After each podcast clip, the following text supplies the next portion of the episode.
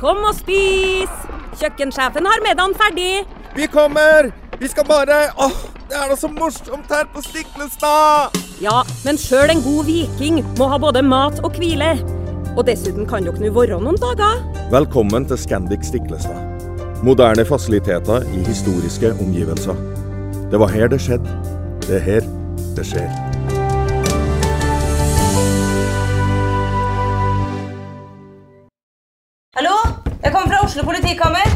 Ine Jansen er purk. Er du purk? The motherfucking bitch. Alt jeg vil, er å finne ut hva som skjedde med mannen min. Jon Carew. Er jeg sikta for noe? Iben Akeli. Det er du. Ole So, Lars Berrum og Big Daddy Karsten. Hvem sin side er du på, egentlig? Anette Hoff, Tone Danielsen, Kommer du fra Afrika? Jørnis Josef, Nesten. Kløfta. Trond Espen Seim, Det er synd å si det, men det var feil mann som døde. Purk. Premiere tirsdag på TV2 Play.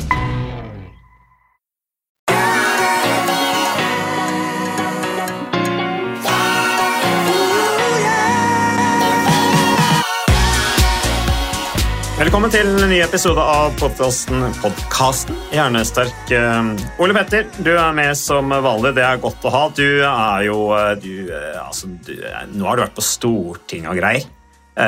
Så du har jo bare kjempekred. Enda mer kred, føler jeg, når du har vært på Stortinget. Hvor lenge var du holdt på å prate på Stortinget?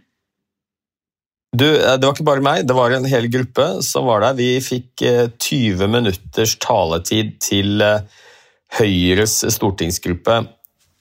Bakgrunnen for dette er jo at eh, Stortinget vårt de har bedt regjeringen om å utarbeide en ny modell for det vi kaller grønn resept. Altså rett og slett finne måter vi kan forebygge mer på i helsevesenet. Kanskje da spesielt rettet mot primærhelsetjenesten, fastlegene. Så da ble en gruppe fagpersoner, meg selv inkludert, vi ble invitert for å spille inn potensielle løsninger til en ny type grønn resept. For den typen vi har hatt fram til i dag, den har ikke fungert. Så nå er regjeringen blitt pålagt å, komme opp med noen nye forslag, og da vil jo spesielt politikerne i helse- og omsorgskomiteen, som var primus motor for denne samlingen, de vil gjerne ha innspill fra oss som jobber med dette. Så flott da, at politikerne vil høre mer om dette her og er interessert. Det er jo absolutt et steg i riktig retning. Og så ser jeg også at vi skal være sammen eh, I dag er det 21. november når vi spiller inn, men i morgen 22. november så skal du være foredragsholder på Virke treningskonferansen. Ehm, og da skal jeg være konferansier, så da ses vi. Da skal jeg spille deg, og så skal jeg eh, si noe eh, om deg før, før du skal holde foredrag. Men jeg skal ikke si hva nå. Men der er jo også tema grønn resept, Ole Petter. Ja, blant annet. Jeg, jeg, jeg tenker jeg skulle, altså Grønn resept er jo et begrep de aller fleste kjenner til, men det er veldig mange som, som ikke vet hva det egentlig er. Nei. Så det kan kanskje være nyttig å bare litt sånn tilbakeblikk på, på denne ordningen da, som kom i 2003. Og det var uh, Dette har vi snakket om flere ganger, men det er ikke sikkert alle har hørt den episoden. Daværende helseminister Dagfinn Høybråten, han var fra KrF, han eh, var en visjonær politiker, og han så at det var en del piler i eh, folkehelsa, norske folkehelsa, som pekte, pekte litt i gal retning. Eh, Det ene, også den gangen, var jo økende grad av inaktivitet og fedme i befolkningen. Det andre var en veldig stor, over 30% av nordmenn var dagligrøykere. Mm. Og alle kjenner jo Dagfinn Høybråten som røykelovens far. Så det var en av de tingene han gjorde. Og han, dette var en ordning som startet på 80-tallet av Tove Strand Gerhardsen, eh, Ap-politiker, som startet dette med røykelov. Og så kom den siste fasen i røykeloven i 2003 eller 2004, jeg husker ikke helt. Og det var Dagfinn Høybråten som var initiativtaker. Og det var jo selvfølgelig da å forby røyking på utesteder, offentlige steder osv. Eh, Det andre hjertebarnet han hadde, det var Grønn resept, som rett og slett er en økonomisk ordning hvor eh, norske fastleger og allmennleger de fikk et eh, økonomisk incitament til å forebygge mer. Så grønn resept er rett og slett at når jeg som fastlege får en pasient som har risikofaktor for hjerte-karsykdom, diabetes, f.eks. at de har høyt blodtrykk, eller har høy vekt, overvekt eller fedme, så kan jeg ved å snakke med pasienten om viktigheten av mer fysisk aktivitet, viktigheten av et sunt kosthold, istedenfor å skrive ut legemidler, så fikk jeg litt ekstra penger.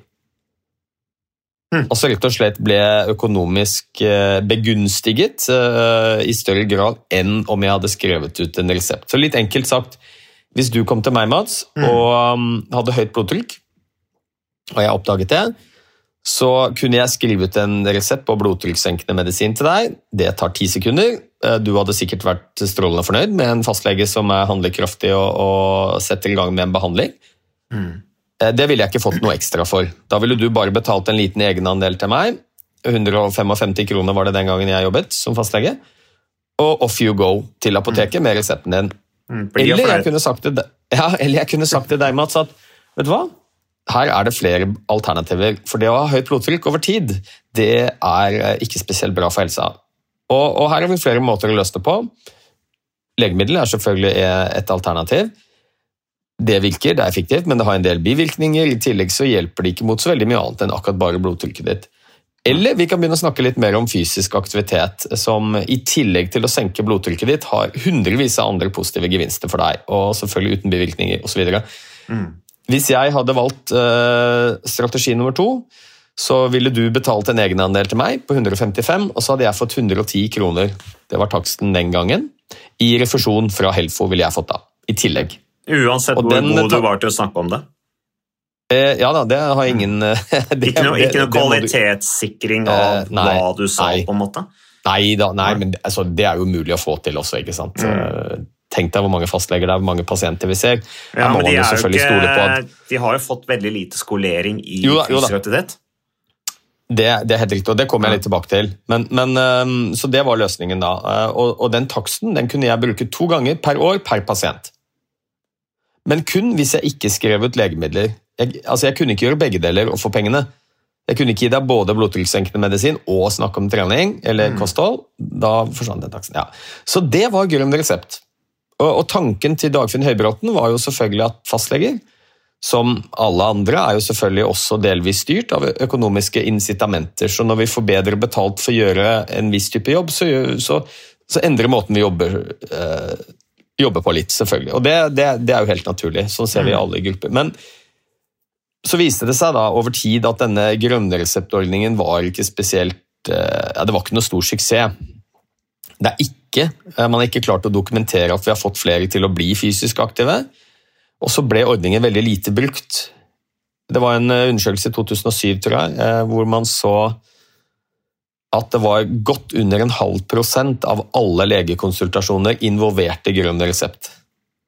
Ja. Og nesten halvparten av fastlegene i Norge har aldri skrevet ut en grønn resept.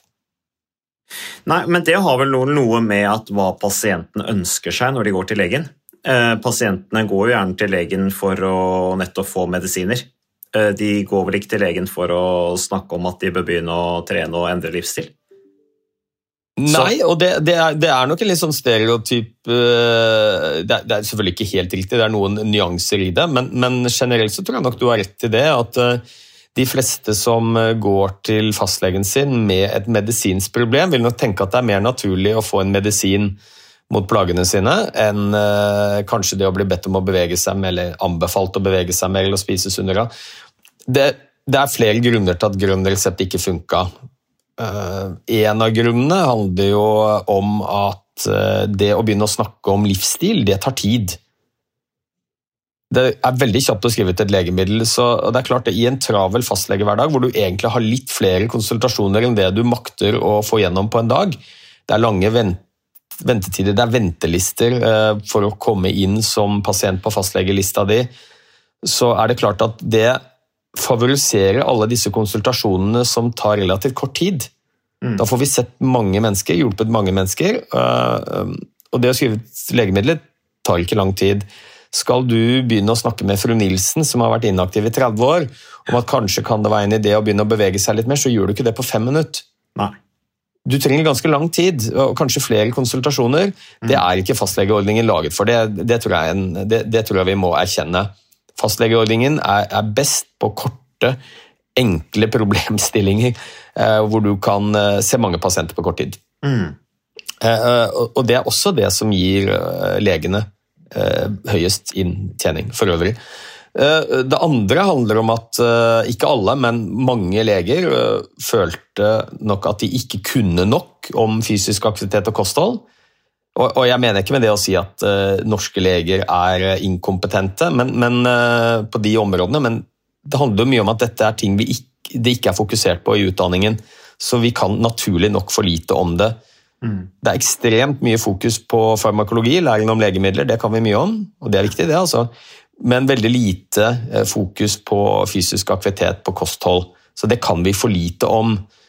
Og så er det selvfølgelig en del leger som kan mye om det, men da handler det først og fremst om at man er spesielt interessert i det sjøl. Kanskje har tatt noe videreutdanningskurs, kanskje tatt en spesialitet hvor dette er viktig. Men gjennomsnittlig norsk lege ferdig med grunnutdanningen har nesten ikke hatt noe om fysisk aktivitet og kosthold. Sammenlignet med mye annet vi kan. Så Nei, men nå er det, jo, Det det, er- jo, det er jo ganske enkelt å gi en person som er inaktiv og, og, og, og på en måte ikke har trimma eller trent, kall det hva du vil, på, på noen gang kanskje på mange år eller aldri i livet, er overvektig osv. Det er jo jeg tror En hvilken som helst lege kan si at ja, du må øke aktivitetsnivået ditt, du må begynne å gå f.eks., men, men det er jo en del sånne, det du var litt inne på der, at når du først skal sitte ned og ta den samtalen om å gjøre en livsstilsendring, så blir du på en måte psykolog. Eh, eller du, du må Det er en del sånne psykologiske eh, parametere der som jeg tror du må kunne litt om eh, i forhold til kognitiv atferdsterapi og de tingene der, og, den tiden har ikke en lege. Så da vil det jo, når du snakker nå, Petter, så vil det være mye mer fornuftig å gi en henvisning til noen som hjelper deg videre. Og Er det ikke Ja da, det som ja er i tanken her nå med, med at du var på Stortinget? Jo, så bare kort da, eh, før jeg kommer til det, for det kommer jeg til hvert øyeblikk, det er jo at uh, flere grunner til at den gamle ordningen ikke funka. Uh, Manglende tid, manglende kompetanse. Og så må, tror jeg rett og slett vi må erkjenne at det er ikke et stort problem blant inaktive pasienter i Norge at de ikke vet at det å bevege seg er viktig. Det vet alle. Jeg har ennå ikke møtt en som blir veldig overraska når jeg sier at det er viktig for helsa. Alle vet det. Problemet er å få det til. Altså, Å snakke alene endrer ikke atferd. Og hele Poenget med Grønn var å informere og rådgive pasientene om viktigheten av noe som de allerede vet fra før. Problemet deres var at de fikk det ikke til. og For å understøtte dette så ble det gjort en undersøkelse som jeg var en av medforfatterne på. En eh, forskningsundersøkelse for noen år siden hvor vi kartla veldig mange inaktive pasienter. Rett og slett kartla over 1000 pasienter som kom innom en travel eh, fastlegepraksis i løpet av noen måneder. Stilte dem to spørsmål. Det første er hvor mange minutter beveger du deg i løpet av en uke?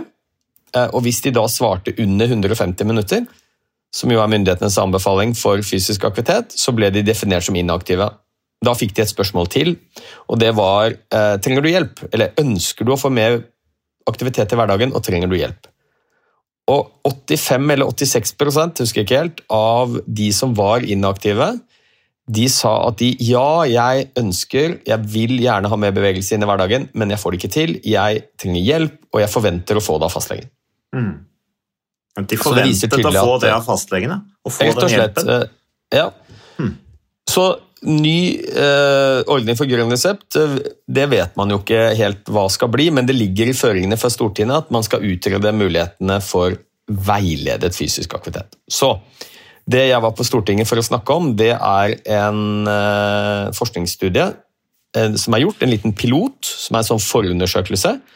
Og så er det en stor forskningsstudie som vi skal sette i gang med, hvor vi skal se på hvor effektivt er det å henvise pasienter til veiledet fysisk aktivitet til oppfølging av en fagperson, sammenlignet med bare å få råd, rådgivning, som var den gamle grønne reseptordningen. Eh, Og det vi, vi er ikke opptatt av å forske på gevinstene med fysisk aktivitet, det vet vi. Det vet vi nok om. Ja. Det vi forsker på, er i hvilken grad fører denne behandlingen vi gir pasientene til atferdsendring. Altså hvor mange blir aktive etter at de har fått denne behandlingen. Så mm, Det er gjort en liten pilotstudie. Dette er et samarbeid mellom eh, Norges idrettshøgskole og Høgskolen Kristiania og teknologiselskapet Able, som har en treningsapp. Litt enkelt fortalt. Så Det man har gjort i pilotstudien, er å, henvise litt over 180 kvinner med overvekt. De er blitt henvist til veiledet fysisk aktivitet i, noen, i over 20 uker. Altså De har rett og slett da fått en helseveileder Som kan være en PT, det kan være en fysioterapeut med ekstra kursing, det kan være, ja, det kan være mange forskjellige typer faggrupper. Da. Men de har iallfall blitt henvist til en som kan dette med å følge opp fysisk aktivitet. Blir fulgt opp i 20 uker, eh, og så sammenlignet med kontrollgruppe som da bare har fått eh, råd. Og da Etter 20 uker så ser man jo da selvfølgelig at de som har fått veiledet fysisk aktivitet, eh, de, det er langt flere av dem, de har trent mye mer. De har beveget seg mye mer. De har bedre kondisjon, større vektnedgang. altså De scorer bedre på alle parametere. Eh, Og et annet funn som er litt viktig, er at uh, Ikke, det ikke veldig seg overraskende. Nei, dette er ikke veldig overraskende, men skal du implementere noe nytt i helsevesenet, så må det dokumenteres. Du kan ikke bare si at ja, men det er åpenbart at det er sånn. Det holder ikke selv. Det som er ganske innlysende og intuitivt, det må dokumenteres. Ja. Eh, Og så viser det seg at det spiller ingen rolle om disse kvinnene i dette tilfellet ble fulgt opp primært ved å ha fysisk oppmøte med en helseveileder, eller om de fikk eh, halvparten digital oppfølging, halvparten fysisk oppmøte. Eller 75% digital oppfølging og 25% fysisk. Altså, Atferdsendringen var like stor i alle gruppene. Ja, så det å bli sett, det å kunne søke råd, og det å få noen til og, for, og noen som da var kvalifisert, som de hadde tillit til, som fortalte deg hva du skulle gjøre, Yes. det, Ja. det, det er nøkkelen. Og det har vi snakka litt om tidligere Ja, det er nøkkelen. Ja. Ja. Og det har vi snakket om er- tidligere òg, altså, eh, i forhold til eh, Moder Bad. Eh, dette her at når da pasientene var ute og trimmet, at de da hadde en idrettspedagog der sammen med de, som fortalte de at det at du nå at det er, føles trangt i brystet, det er ikke fordi du er i ferd med å dø av hjerteinfarkt, det er fordi at du har dårlig kondisjon, og den vil bli bedre ved å være ute i aktivitet. Det at du nå blir eh, svett og føler ubehag og kanskje sliter litt med altså, Da må du puste ut, slippe løs. Altså, den type eh, enkle råd da, fra en som har troverdighet, det viser seg å, å ha utrolig gevinst på om vi gjennomfører en, en aktivitet, uansett hva det er, eller ikke. Eh, vi, vi, vi, er, vi, er, vi er trygghetssøkende eh, eh, som mennesker, og derfor så trenger vi at noen forteller oss dette, dette går bra. Og, og Den viktigste jobben til denne helseveilederen er jo ikke å vise nøyaktig hvordan du gjør knebøy, eller akkurat hva slags type kondisjonstrening du bedriver med, om det er fire ganger fire intervaller eller gå i motbakke. Eller, altså det, det er ikke der nøkkelen ligger. Nøkkelen ligger i det å bli sett, bli anerkjent, bli ansvarliggjort. Altså Rett og slett ha noen som går veien med deg. Eh, Og veilede betyr jo å gå veien sammen med. Eh, Så det ser vi, det er en ekstremt effektiv måte å få endret atferd på. Og det er ikke veldig overraskende, men det må dokumenteres. Og, og et litt interessant perspektiv er jo at det er klart dette er dyrt. Det vil være dyrt å henvise til en fagperson som skal følge opp noen kanskje flere ganger i uka over lang tid. Eh, Og Det er jo derfor det er spesielt interessant å se at digital oppfølging, som jo selvfølgelig er, har en helt annen kostnadsramme, mye mye rimeligere og enklere på mange Ukas annonsør det er eh, HelloFresh. Og eh, hvis du nå går inn på hellofresh.no og bruker koden 'fresh hjerne', så kan du få opptil 1779 kroner rabatt på da de fem første matkassene dine hvis du ikke har prøvd HelloFresh enda. Og Ole Petter, vi er jo glad i HelloFresh i podkasten Hjernesterk, eh, selvfølgelig fordi at de er en annonsør. De er med og bidrar til å spre det glade ordet om fysisk aktivitet og god helse. Men i tillegg så har jo vi også nå lang erfaring med HelloFresh Fresh selv. Så vi må jo si at det har vært gode erfaringer til nå. Ja, absolutt. Visste du, Mats, at HelloFresh det er faktisk verdens ledende matkasseleverandør? Og tilbudene til HelloFresh gjør det enkelt å lage gode og varierte retter som skaper matglede. Og matglede vet du, det er like viktig som hva du putter i munnen. Det å spise mat med folk du trives med. Så gjennom 25 nye og inspirerende retter hver uke så bidrar HelloFresh til dette. Du kan bestille ekstra porsjoner om du får gjester, eller hoppe over uke hvis du f.eks. skal bort. Og Det er ingen bindingstid, og du velger leveringstidspunkt og dag selv, så leverer HelloFresh matkassen din akkurat når det passer deg. Ikke dårlig, Mats.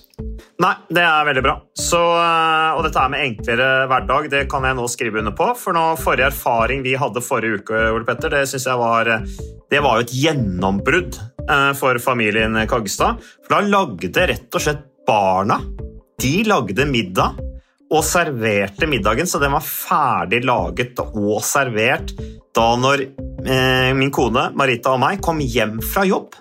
Og jeg mener Det var jo bare helt utrolig. Eh, det var helt fantastisk. Det ble en nydelig middag. Riktignok de, de, de, de roter og søler litt, det gjør de. Så, men, men, maten ble veldig god. De var veldig stolte over å kunne å ha både laget og servert maten, så det var helt fantastisk. Så vi har jo da i det siste så har vi eh, spist eh, bl.a. sitron- og dillstekt hyse med ovnsbakte grønnsaker og aioli. Eh, vi har spist middelhavsinspirert kylling. Taco, så finnes det mange ulike typer taco. F.eks. vietnamesisk taco, som vi har spist. Thailandsk vegetargryte. Veldig riktig og sunt uh, i dagens uh, samfunn med, med, fokus på bærekraft. Hvitløk og chilistekte reker i spagetti, det var definitivt en vinner. Så det er så flott. Du får rimelig mat ved at du kun betaler for det du trenger, så det blir ordentlig feststemning med Hello Fresh.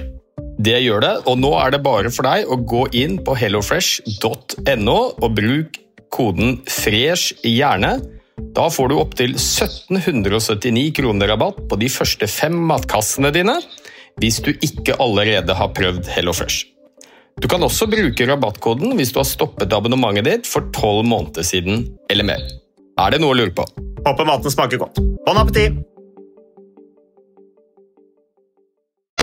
Man bør ikke flytte på seg, man kan bli fulgt opp hjemmefra osv. osv. Gi samme effekt.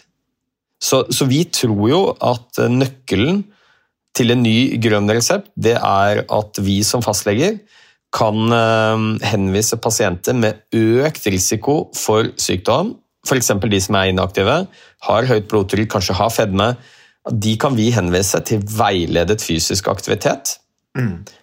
Og Det gir en stor grad av atferdsendring som er veldig besparende for samfunnet. Og, og utrolig mye mer utviklende for de vedkommende som da får den veiledningen og kan endre ja. på livsstilen sin med alle de personlige gevinstene det medfører, både fysisk og mentalt.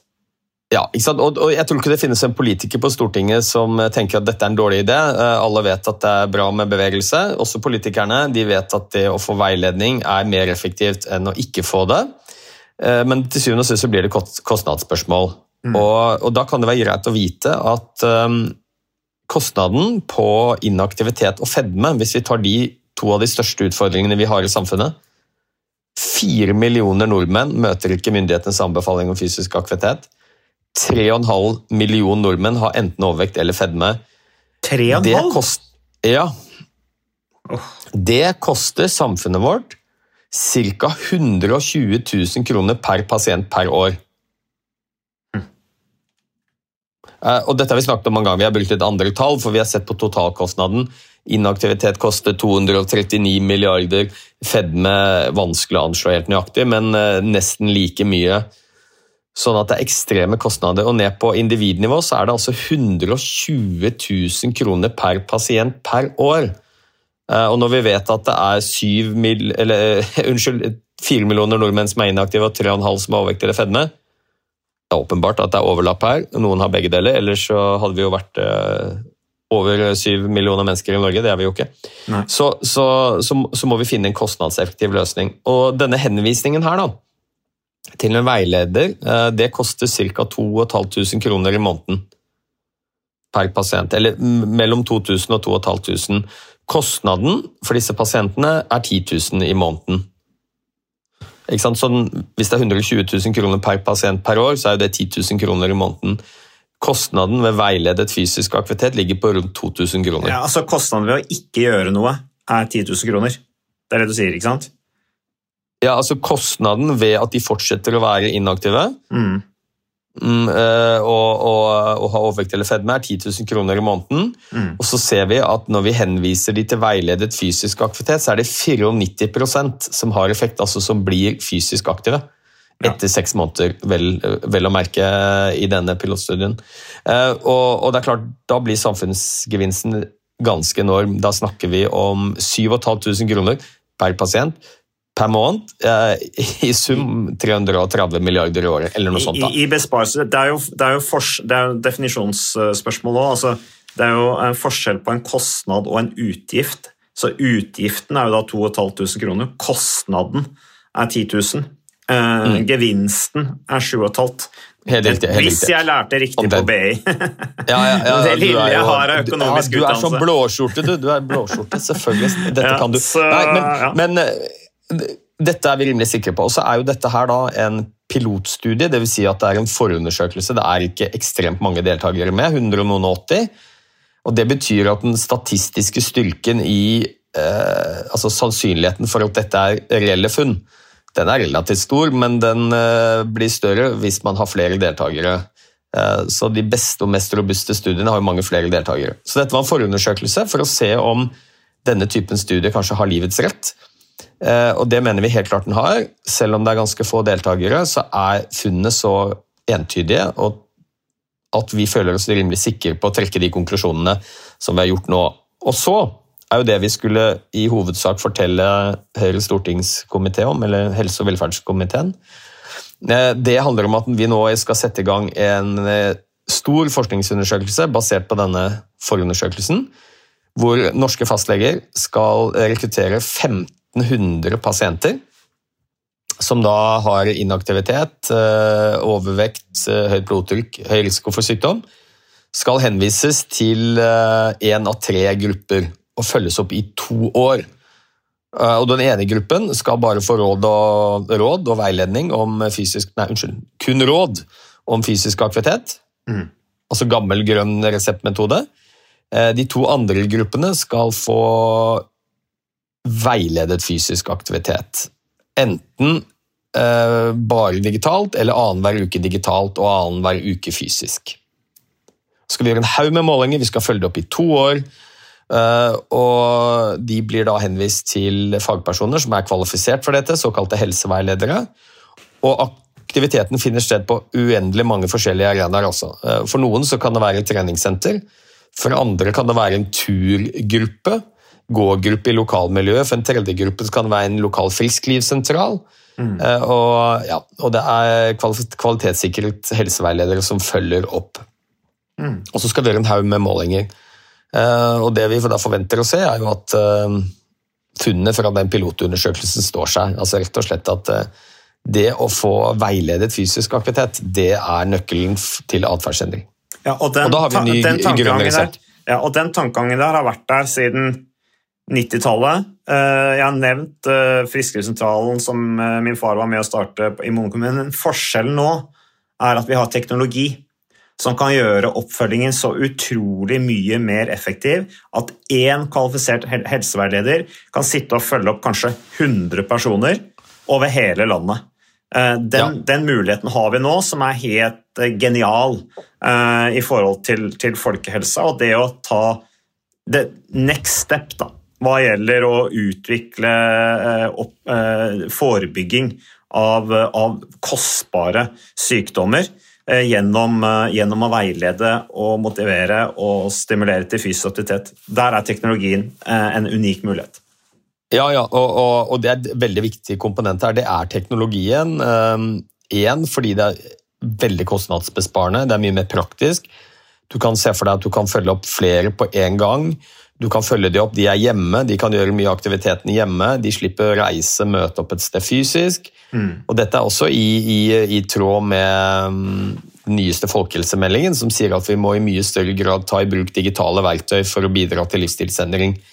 Eh, Så det er en essensiell del her, men vi tror vel kanskje kombinasjonen av noe fysisk, møte med en veileder, for det er også viktig, men kanskje majoriteten eh, av oppfølgingene skjer digitalt, så har du kostnadsbesparende system som er veldig effektivt. Så, det, så det tror vi faktisk er nøkkelen. Så vi har jo veldig tro på at dette her kommer til å bli den nye grønne resepten. Politikerne må jo godta det, selvfølgelig, Stortinget. Eh, så er det alltid noen som sier ja, men har vi ikke frisklivssentraler, da finnes ikke denne muligheten allerede. Tja, jo, den Jo, men gjør det jo er det. er old school, da. Er, poenget er at Frisklivstralen er jo kjempefint, eh, og det var jo som jeg nevnte, det var jo ideen i utgangspunktet. Men her er det dette her at folk vil, trenger jo gjerne oppfølging også utenom oppmøteplassene. Ja, ja, ja. Og det er jo det som gjør Så- dette her så effektivt og sterkt. Vi har, jeg, jeg, vet at vi har mange som jobber på frisklivssentraler som hører på oss, og, og Mm. da vil jeg si at frisklivssentraler er helt fantastiske. Jeg skulle virkelig ønske at det var mange flere av dem, Mm. og at de hadde mye mer ressurser. Det er en av de viktigste, kanskje den viktigste arenaen vi har i helsevesenet vårt, eller det er den viktigste for forebygging. Men de er underfinansierte, det er altfor få frisklivssentraler, de burde hatt mye mer midler, burde være flere av dem. Så de skal vi bruke. Eh, Men jeg tror her har vi et så gigantisk folkehelseproblem med inaktivitet og overvekt og fedme at vi, her er det alle mann til pumpene. Vi må bruke alle de verktøyene vi har tilgjengelig. Det kan være digitale verktøy, det kan være frisklivssentraler, men det kan også være å bruke treningssentrene våre. Og Det tror jeg er litt viktig. altså. Det er utrolig mye infrastruktur rundt om i Norge, altså treningssentre, som er gode folkehelsearenaer. Og jeg opplever jo at treningsbransjen har fått litt sånn ufortjent dårlig rykte ved at veldig mange tenker at et treningssenter det er for de som skal ha sixpack og badekropp eh, og se seg selv i speilet og se eh, pectoralis og bicepsen vokse. Og, og det finnes selvfølgelig noen som gjør det, og som er mest opptatt av eh, det utseendemessige. Fair enough det, men de aller fleste som drar på et treningssenter, de gjør det for helsas skyld. Og det er veldig mange av de som jobber der, PT eksempel, som er uh, veldig dyktige. Så det er en sånn utappet ressurs, da. Um, og, og så tror vi veldig på at hvis vi skal få en oppfølging av et stort antall pasienter, og det er fastlegene som skal henvise Vi har for øvrig Norsk forening for allmennmedisin, altså fastlegenes interessegruppe i Legeforeningen, med på dette forsøket, så de er veldig positive til dette. Vi må ha med legene på laget. Og skal jeg som fastlege henvise en pasient med høyt blodtrykk, eh, kanskje inaktiv, så må jeg vite at den personen jeg henviser til, er kompetent, faglig kompetent til å følge, følge opp. Så vi må ha en eller annen slags sånn enhetlig standard hvor vi sertifiserer disse veilederne. Mm. Og Noen kan kanskje være sertifisert i egenskap av den utdanningen de har. Kanskje er de fysioterapeuter, kanskje har de tatt ekstra kurs. Eh, Men det kan være PT-er som må ta da kurs i helseveiledning, hvor vi går gjennom alt fra hvordan man følger opp eh, rent medisinsk, til motiverende intervju, dette med å bidra til å motivere pasientene osv. osv. Det er kjempepotensial der, altså, Ole Petter. og bare tenk på eh, Jeg snakker stadig om Modum Bad, men altså, jeg vet at køene inn dit er veldig lang. Og så kommer du dit, og da er jo en del av behandlingstilbudet er jo bl.a. fysisk aktivitet. Her burde man egentlig koblet på pasientene som står i kø for å komme inn på behandlingsinstitusjoner, på f.eks. denne appen. da, eh, Med at ja, fysisk trening er en del av behandlingen på Monobad. Eh, Så derfor så begynner vi å følge deg opp nå på fysisk aktivitet, sånn at du får enda bedre utbytte av treninga når du først er til behandling i løpet av de viktige ukene, månedene, hva det måtte være, som du da er på f.eks. Monobad, Bad, og ikke minst etterpå. Følge opp etter, for det er jo også gjort undersøkelser på Monebad at de som fortsatte med fysisk trening etter behandlingen, eh, hadde mindre grad tilbakefall til psykiske lidelser. Eh, Ja. Som gjorde at de da slapp å stå i kø igjen. Så her, er det jo, her må man jo koble på disse miljøene og disse mulighetene og sette dem i system, sånn som dere er i gang med her. Så det er jo veldig flott eh, arbeid, Ole Petter. Og gøy at du har vært på Stortinget for å snakke om dette. Dette har jeg tro på. Ja da, og jeg ville bare påpeke at det- det- dette er ikke noe prosjekt jeg driver uh, alene, og jeg er ikke hovedpersonen i, i eh, prosjektet. Men, eh, så, så dette er i hovedsak et samarbeid da, mellom eh, Norges idrettshøgskole, forskere der, eh, forskere ved Høgskolen Kristiania og teknologiselskapet Able.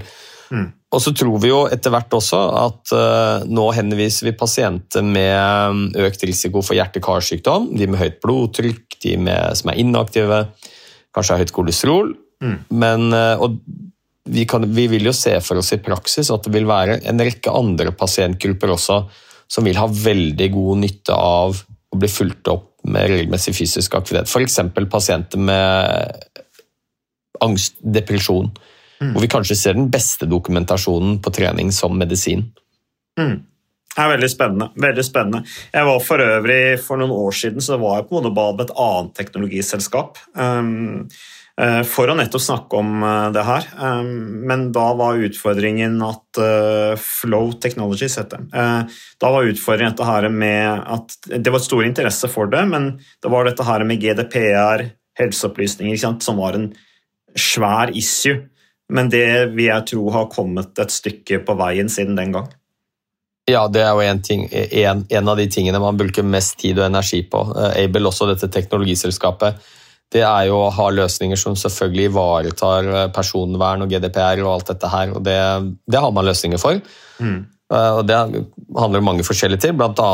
Uh, sikker innlogging. ikke sant? At du gjør det med bank-ID, nivå 4 som det kalles, osv. Så, videre, og så, videre. så det er hensyntatt. Men altså, dette i et litt sånn større perspektiv så syns jeg dette er fantastisk spennende. At vi kan ta den teknologien som du og jeg disser mye her. da, Vi snakker om skjermtid og gaming og sånt for barn og unge.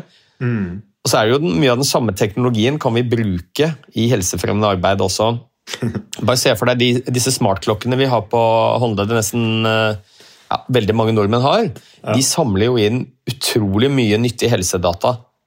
Den klokken jeg har på håndleddet nå, den uh, forteller meg om pulsen min, pulsvariasjon, som vi mm. snakket med Torkild Færø om. Uh, det er et mål på stress, f.eks. Uh, den måler oksygenopptak, den måler søvnen min, kvaliteten på søvnen, det som kalles body battery. Altså veldig mye gode målinger vi kan få på disse klokkene. Tenk deg hvis jeg som fastlege kunne få tilgang til denne informasjonen fra mine pasienter sømløst F.eks. så får jeg en ny pasient, fru Nilsen på 60. Jeg kjenner ikke henne i det hele tatt. Og Istedenfor å, å sitte og bruke en halvtime på å finne ut hvor mye hun beveger seg, og søvnmønster, så, så kunne jeg i forkant ha fått tilgang til hennes data. Hvis hun hadde en sånn klokke, da, ikke sant? Eh, mm. som sier noe om hvor mye hun sover, og hvor mye hun beveger seg, og pulsvariasjon, stressnivå osv. Ja, det er også et annet forskningsprosjekt vi jobber med å få penger til. Eh, for å se om det, vi kan lage noen algoritmer eh, som også ivaretar personvern osv. Hvor vi leger kan få tilgang til veldig mye nyttig pasientdata. Mm. Forsikringsselskapet for eksempel, er jo ekstremt opptatt av denne typen informasjon. Mm. Tenk deg at du som forsikringsselskap, når du skal forsikre en pasient det, det heter ikke pasient, person, eh, så vet du i forkant hvor mye de beveger seg. Ja. Eh, hvor mye de sover hva slags kondisjon de har. Det er jo den viktigste helseparameteret vi har. Ja, så Det er mange muligheter ja, med teknologi. Og, da vil jo, da vil jo da motargumentet her Ole Petter, være det, ja, hvorfor skal forsikringsselskapet ha de opplysningene mot meg? De vil da bare bruke det for å tjene enda mer penger. Men da vil jeg snudd om på det. At forsikringsselskapet da kan si ja, dessverre nå så er det litt dyrere premie på deg, men hvis du tar tak i det, så vil det bli billigere igjen. Og da vil jo på en måte skapt gevinster både for enkeltpersonene og da for samfunnet. Og kanskje også gjort at forsikringsselskapet i fremtiden slapp å betale ut uh, i dyre summer. Så nei, ja, men det er spennende. Petter. Vi, for, forsikringsselskapene har jo den muligheten i dag òg, det er bare det at det gjøres ikke primært gjennom digitale verktøy. Så hvis du uh, går og skal ha livsforsikring hos uh, Gjensidige eller If eller hva det måtte være for noe, Eh, så vil de sannsynligvis kontakte din fastlege for å høre om din helsetilstand. Hvis du skriver på skjemaet ditt egen, egenerklæringen at du har hatt sykdommer før, så vil de sannsynligvis sende et brev til fastlegen din, og så blir fastlegen din bedt om å utdype din helsetilstand. Det er bare at det er utrolig mye mindre treffsikkert enn å få disse dataene direkte på, fra klokka. Takk eh, for eh, det, Ole Petter. Eh, takk for at du lyttet på podkasten Hjernesterk. Takk til Moderne Media og våre annonsører. Vi er tilbake med mer podkasten Hjernesterk neste uke. Takk for oss.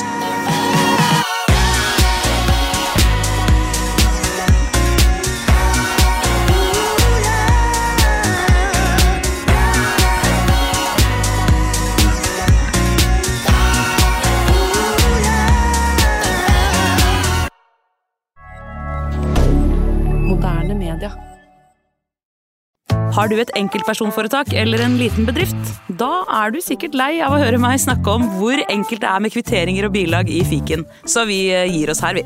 Fordi vi liker enkelt. Fiken superenkelt regnskap.